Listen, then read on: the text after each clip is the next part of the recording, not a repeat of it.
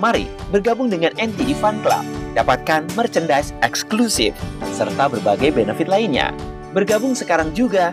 Hubungi WhatsApp 0813 80 80 2513. Anda sedang mendengarkan podcast NTD Kehidupan. Selamat mendengarkan. Garis di papan tulis. Seorang guru memasuki ruangan kelas. Ia langsung membuat garis sepanjang 1 meter di papan tulis.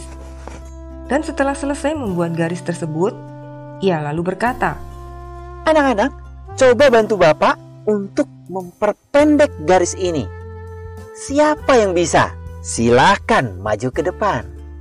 Anak pertama maju ke depan papan tulis, lalu menghapus 20 cm garis tersebut, sehingga garis tersebut kini menjadi 80 cm.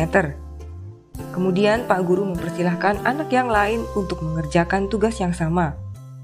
Anak kedua maju ke depan, dan ia pun melakukan hal yang sama. Dan sekarang garisnya tinggal 60 cm. Lalu anak ketiga dan keempat pun maju ke depan melakukan hal yang sama, hingga garis itu hanya tinggal 20 cm.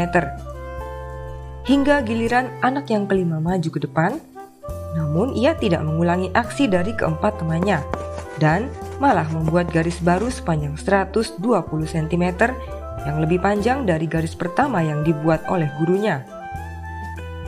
Melihat aksi berbeda dari anak kelima, sang guru terdiam sejenak lalu berkata, Nak, kamu memang bijak. Untuk membuat garis itu menjadi pendek, tidak perlu menghapusnya. Cukup membuat garis lain yang lebih panjang. Maka garis pertama akan menjadi lebih pendek dengan sendirinya. Untuk menjadi yang terbaik tidak perlu menjatuhkan, menyingkirkan, atau menjelekan pihak lain. Cukup lakukan kebaikan yang lebih baik secara konsisten. Biarkan waktu yang akan membuktikan kualitas kita. Permata akan tetap bersinar meskipun tertimbun oleh lumpur pekat. Jadilah baik tanpa harus menjelekkan.